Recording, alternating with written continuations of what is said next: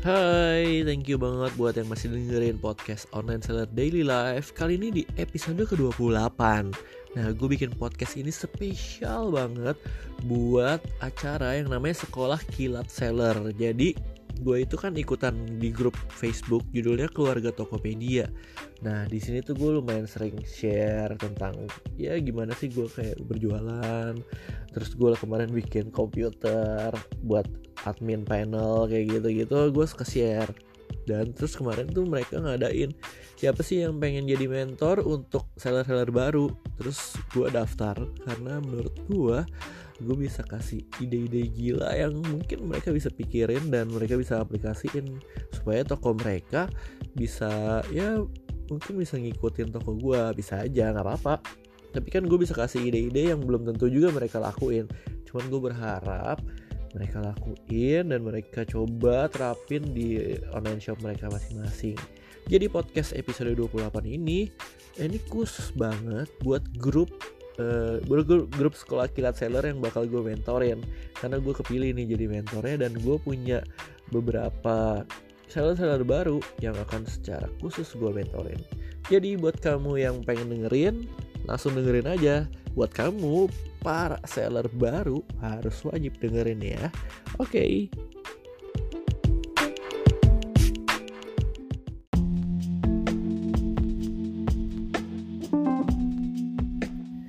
Nah, jadi di bagian pertama dari episode 28 ini, ini khusus banget buat uh, kalian yang bakal gue mentorin nih guys. Bukannya gue mau guruin ya, tapi gue pengen kasih tips dan trik gimana caranya supaya toko kalian itu ketika dicari orang, ketika dilihat orang, itu udah bener-bener trusted dan mungkin bisa menaikkan penjualan kalian. Nah, sebelumnya gue ucapin selamat kalian udah berhasil membuka toko di Tokopedia gue udah coba cek satu-satu toko kalian dan gue melihat beberapa dan mungkin banyak kekurangan di toko itu. Tapi tenang aja gue bakal coba buat kasih jelasin ke kalian pelan-pelan ya. Pertama mm, gue tuh ngeliat domain toko sama URL toko sama nama toko. Itu tuh masih banyak yang menggunakan namanya itu aneh contoh ya. Hmm, ada yang namanya misalnya kayak nama gue deh Michael. Michael Shop 239 Nah itu tuh menurut gue lo harus ganti. Ganti dengan produk yang lo jual. Jadi lo tentuin dulu toko lo tuh sebenarnya pengen jualan apa nih? Lo mau jualan sepatu ada tuh. Lo mau jualan krim ada. Lo mau jualan makanan ada. Pempek tadi gue lihat kerupuk Palembang itu ada. Terus lo mau jualan baju ada. Nah habis lo tentuin mau jualan apa lu bikin nama sama domain yang gak jauh dari jualan itu. Contoh sepatu lu bikin aja sepatu murah Indo atau sepatu murah Indoku. Nah kayak gitu-gitu loh. Maksud gue yang eye catching terus gampang dicari orang dan ya itu kayak namanya SEO friendly search engine optimization friendly. Jadi ketika diketik lu udah pasti keluar lain halnya kalau kamu bikin namanya toko Michael 239 lu mau uh, coba dong uh, misalnya nyuruh temen ya. Eh datang ke toko gue apa namanya? Gue jualan sepatu nih tokonya apa? Toko Michael 239 apa apa berapa angka belakangnya tadi? Nah kayak gitu tuh. Itu bakal susah. Ya nggak apa-apa. Gue yakin lo punya toko masih bisa diubah nama dan domainnya. Jangan lupa ketika lo pengen ubah nama dan domain konsultasiin dulu ke gue jadi sekali sekali lo ubah lo akan nggak bisa ubah lagi itu itu yang pertama. Namanya juga dipakein spasi atau nggak pakai spasi nah itu ada tips dan triknya juga tuh. Kalau bisa sih nggak usah pakai spasi. Tapi di URL nggak usah pakai spasi tapi di do, di nama pakai spasi. Kayak gitu deh. Nah itu nanti bisa dikonsultasiin ke gue ya. Tapi lu boleh coba dicoret-coret dulu nih sambil pegang pulpen. Oh ini kira-kira nama buat toko gue ini nama toko gue yang sekarang ini domainnya ini bisa gue ganti jadi ini Oke, itu yang pertama. Terus habis lu buka toko, congratulations karena lu orang semua udah punya toko, lu akan membuat foto. Nah, ini gua ngeliat foto-foto lu orang sengganya udah ada foto. Itu gue appreciate banget. Lu punya foto, bahkan ada yang fotonya udah diedit, dikasih harga, dikasih background, jadi etalasenya sama semua. ada yang udah dikasih watermark ada yang masih ngambil dari orang lain nggak apa-apa nggak apa-apa guys yang penting lu udah punya foto. Nah nanti akan ada sesi gimana cara gue bahas tentang foto. Cuman yang paling pertama gue pengen itu fotonya terang bisa kelihatan dan tahu produknya apa terus fotonya banyak. Kalau bisa lebih dari dua tiga ya. Bisa empat atau lima foto. Itu sih. Kenapa? Soalnya biar orang jelas dan gak nanya-nanya lagi. Itu tujuannya supaya lo orang gak direpotin aja sih contoh eh, kak ini tampak belakang kayak gimana? Kak ini dalam packagingnya kayak apa? Nanti kalau e, dapatnya berapa banyak? Nah itu harus bisa dijelasin di foto karena orang pertama kali ngeliat foto. Paling atas lagi. Fotonya juga harus clear cahayanya terang. Ya di luar lampu boleh. Di luar maksudnya di luar jendela ya di meja gitu. Lu bikin set apa ya kertas putih? Itu gampang sih. Oke habis foto judul judul judul apa? Judul punya lu punya listing produk ya judul produk. Nah itu uh, harus lengkap 70 karakter. Dan trik gua lu bikinnya gini contoh lu punya sepatu bola.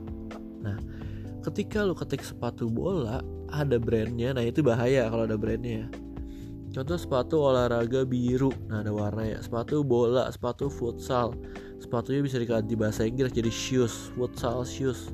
Sama kalau kerupuk juga bisa diganti jadi kerupuk udang, kerupuk emplang, kerupuk dan juga kerupuknya diganti jadi keripik. Nah, kayak gitu. Sampai 70 karakter itu habis. Nah, itu boleh banget lo orang konsultasi ke gue.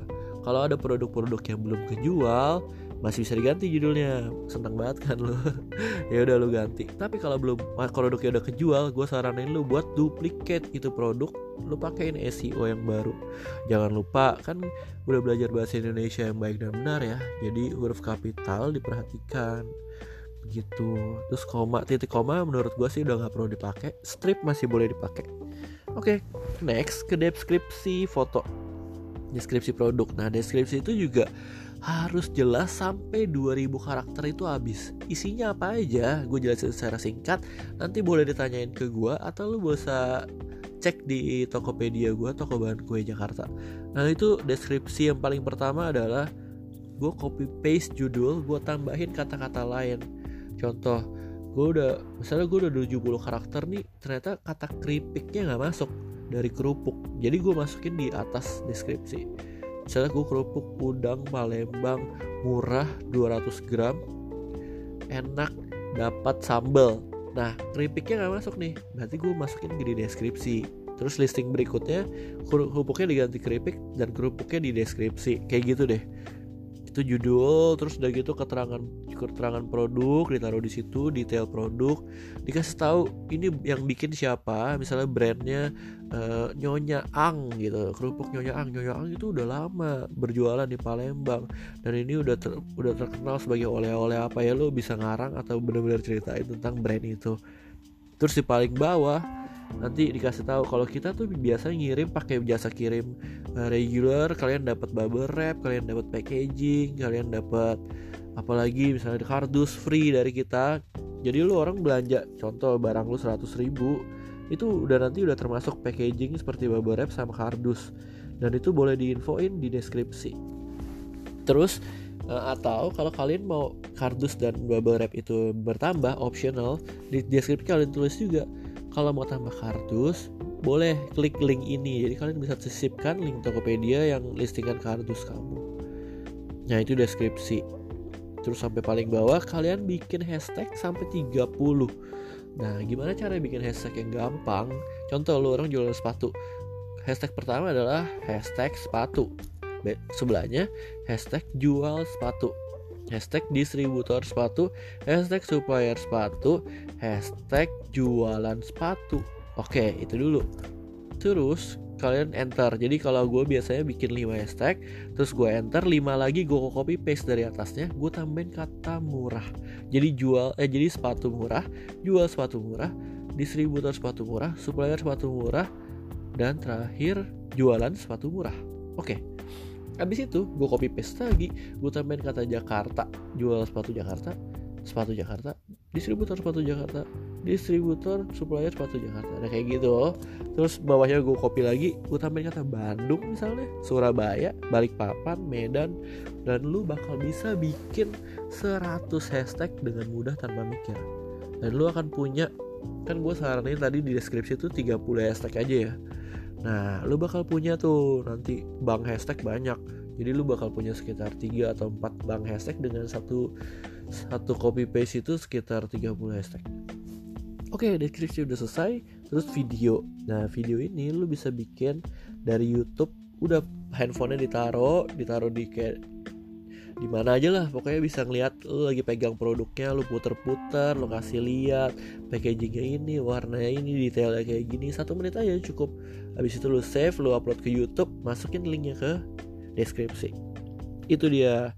Terus harga harga saranin saran dari gue tuh lu harus hitung bener-bener. Kalian kalau pengen diajarin cara ngitung harga boleh. Nanti gue bikinin caranya. Ya dimasukin kos pegawai kos gudang terus ada kos bubble wrap misalnya. Itu untuk ngitung harga. Terus berikutnya ada yang namanya asuransi nah ini yang sering kali jadi kendala buat para pembeli. Kalau lu ngeklik barang terus mau beli tapi lu nggak dikasih pilihan untuk menonaktifkan asuransi nah biasa dimales. Nah lu bisa pilih pas asuransi itu dicentang opsional. Jadi tergantung pembeli yang mau pilih iya apa enggak gitu. Udah kira-kira sampai itu aja untuk SKU dan lain-lain itu boleh iya boleh enggak untuk awal nih. Nah udah begitu lo upload lo akan punya satu listingan produk yang kemungkinan besar dicari. Produk ini boleh lo duplikat dengan diganti-ganti kata judulnya ya guys. Diputar depan belakang diputar ya ganti-ganti katanya dengan sinonim atau bahasa Inggris semua. Nah itu lo boleh duplikat yang banyak. Atau lo bikin produk bundling atau ya macam-macam lah. Pokoknya kalau gue ketik sepatu dan gue bakal ketemu produk lo ada 5 di Tokopedia itu itu tips untuk ngupload produk panjang ya guys ya. Udah 10 menit nih oke? Di section berikutnya gue bakal kasih tips yang lain lagi nih guys. Jangan ke mana-mana. Buat yang lagi gue mentorin harus dengerin ya guys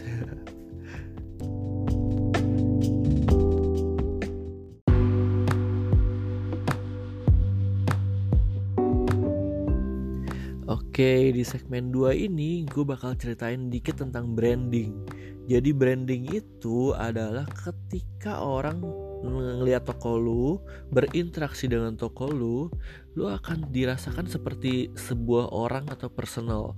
Bisa kayak uh, lu mau dirasakan sebagai toko yang keren, berarti brandingnya harus keren, logonya keren, sampul tokonya keren, dekorasinya keren, fotonya keren, warnanya bisa gold, hitam, silver Nah itu dipandang sebagai yang keren. Kalau mau dipandang sebagai toko yang ceria, lo bisa pakai warna-warna atau logo yang warnanya kuning, merah, terus logo yang ada apinya misalnya atau ada smiley. Nah itu bisa lo pasang di semua foto, di dekorasi toko, di sampul toko, di profile picture. Nah itu bisa lo pakai. Nah tahu kalau lo pengen dikenal sebagai penjual kerupuk udang, ya lu bisa pasang foto udang lu bisa pasang dekorasi toko udang foto-foto semuanya bisa. Nah ini gue bakal jelasin tentang branding mungkin di di next next next session ya di next podcast. Tapi yang paling penting lu harus mengoptimalkan maksimalkan fitur-fitur itu yang dikasih sama Tokopedia.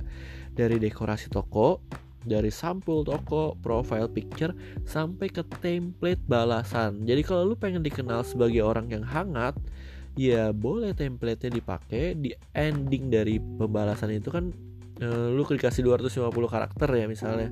Di endingnya banget lu boleh kasih smiley, emoji atau emoticons. Jadi begitu uh, orang chat ke lu dan lu balas cepet dong pakai template tuh tinggal sekali sentuh kan. Tek. Nah, di paling bawah lu akan dapat smiley dari dia. Seneng dong pembeli lu karena dia akan ngerasa wah oh, ini orang hangat banget ya balasnya cepet banget ya nyapa nama dan selamat pagi atau selamat sore.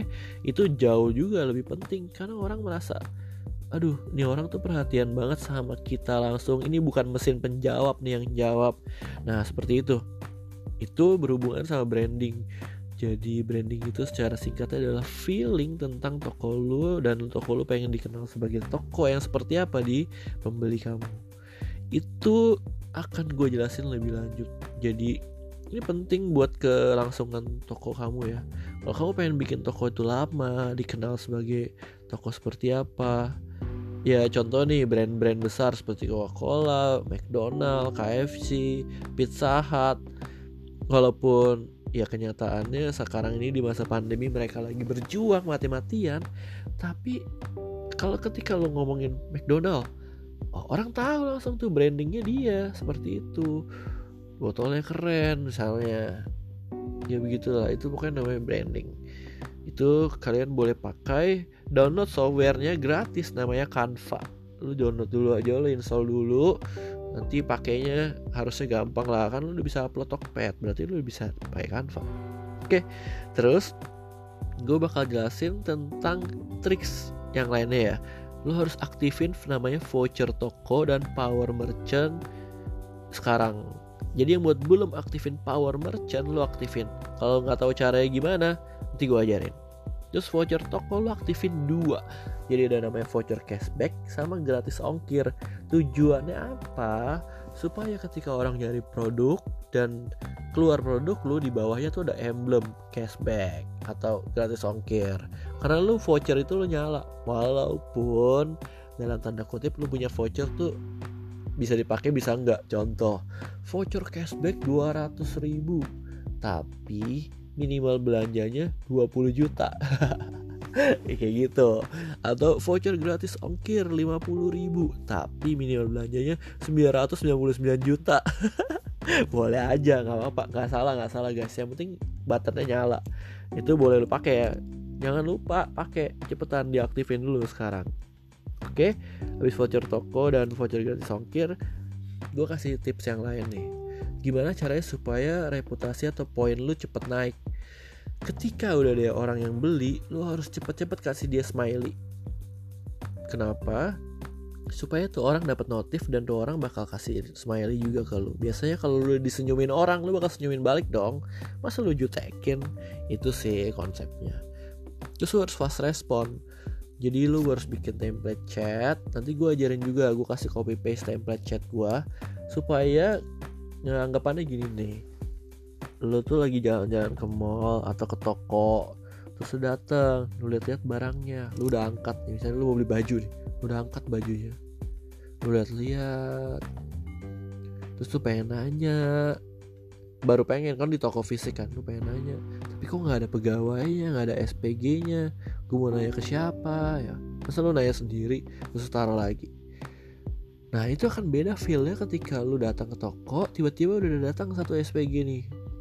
Langsung nyamperin lu Terus langsung nanya ada yang bisa dibantu bu? Oh dia angkat baju yang tadi. Dia bilang e, ini uh, ukurannya berapa aja ya? Ada SML nya nggak ya? Terus lu langsung cepet jawabnya ada bu. Ini ada warna lain nggak ya? Ada. Ini bisa dikirim hari ini. Bisa. Nah lu harus bales itu dengan sangat cepat. Untuk itulah gue meng-hire satu admin spesial untuk balas-balas chat yang nggak penting. Dalam arti bukannya nggak penting gimana ya karena banyak banget eh, pembeli kita yang cuma nanya ready nggak? Terus warna ini ada warna apa aja? Padahal gue udah jelasin dengan jelas di foto dan deskripsi tapi pembeli suka nanya. Ya ya ya ya itu itu adalah karakteristik konsum behavior consumer kita. Nah itu ada tips dan trik lain kalau lu mau mempelajari namanya consumer behavior itu ada SKU-nya tuh. SKU-nya maksudnya sorry ada SKS-nya tuh kalau lu mau kuliah itu jadi kalau lu harus bisa perhatiin lu mau jualan barang apa dan rata-rata kebiasaan pelanggannya seperti apa supaya kalian bisa merespon dengan tepat setiap jawab pertanyaan yang mereka lontarkan. Itu lu harus fast respon. Terus yang ketiga coba lu atur stok di bawah 10 jadi e, contoh padahal lu punya kacamata di gudang banyak. Nah lu tulisnya tetap 9 aja. Kenapa? Karena nanti di Tokped itu ada notif di apa di bagian etalasenya nih. Stok ini tinggal di bawah 10 mus merah. Dan itu bikin urgensi pembeli lebih tinggi. Karena ada ada apa ada icon dan teks itu stok di bawah 10 nah hal-hal ini lu harus coba. Kalau bingung nanya gua. Kalau bingung lagi ya dengerin lagi podcast ini dari awal. Dan gue harap dengan lu mengaplikasikan trik ini seenggaknya lu punya toko lebih baik. Gue harap sih seperti itu. Kalau bingung tetap boleh banget nanya ke gue di WA group atau ya kalau buat yang dengerin bukan sekolah kilat seller nanya aja di Instagram gue di at underscore hello Michael at underscore hello Michael. Ya udah sampai jumpa di episode berikutnya. Episode ini adalah episode ke 28 bye bye have a nice day guys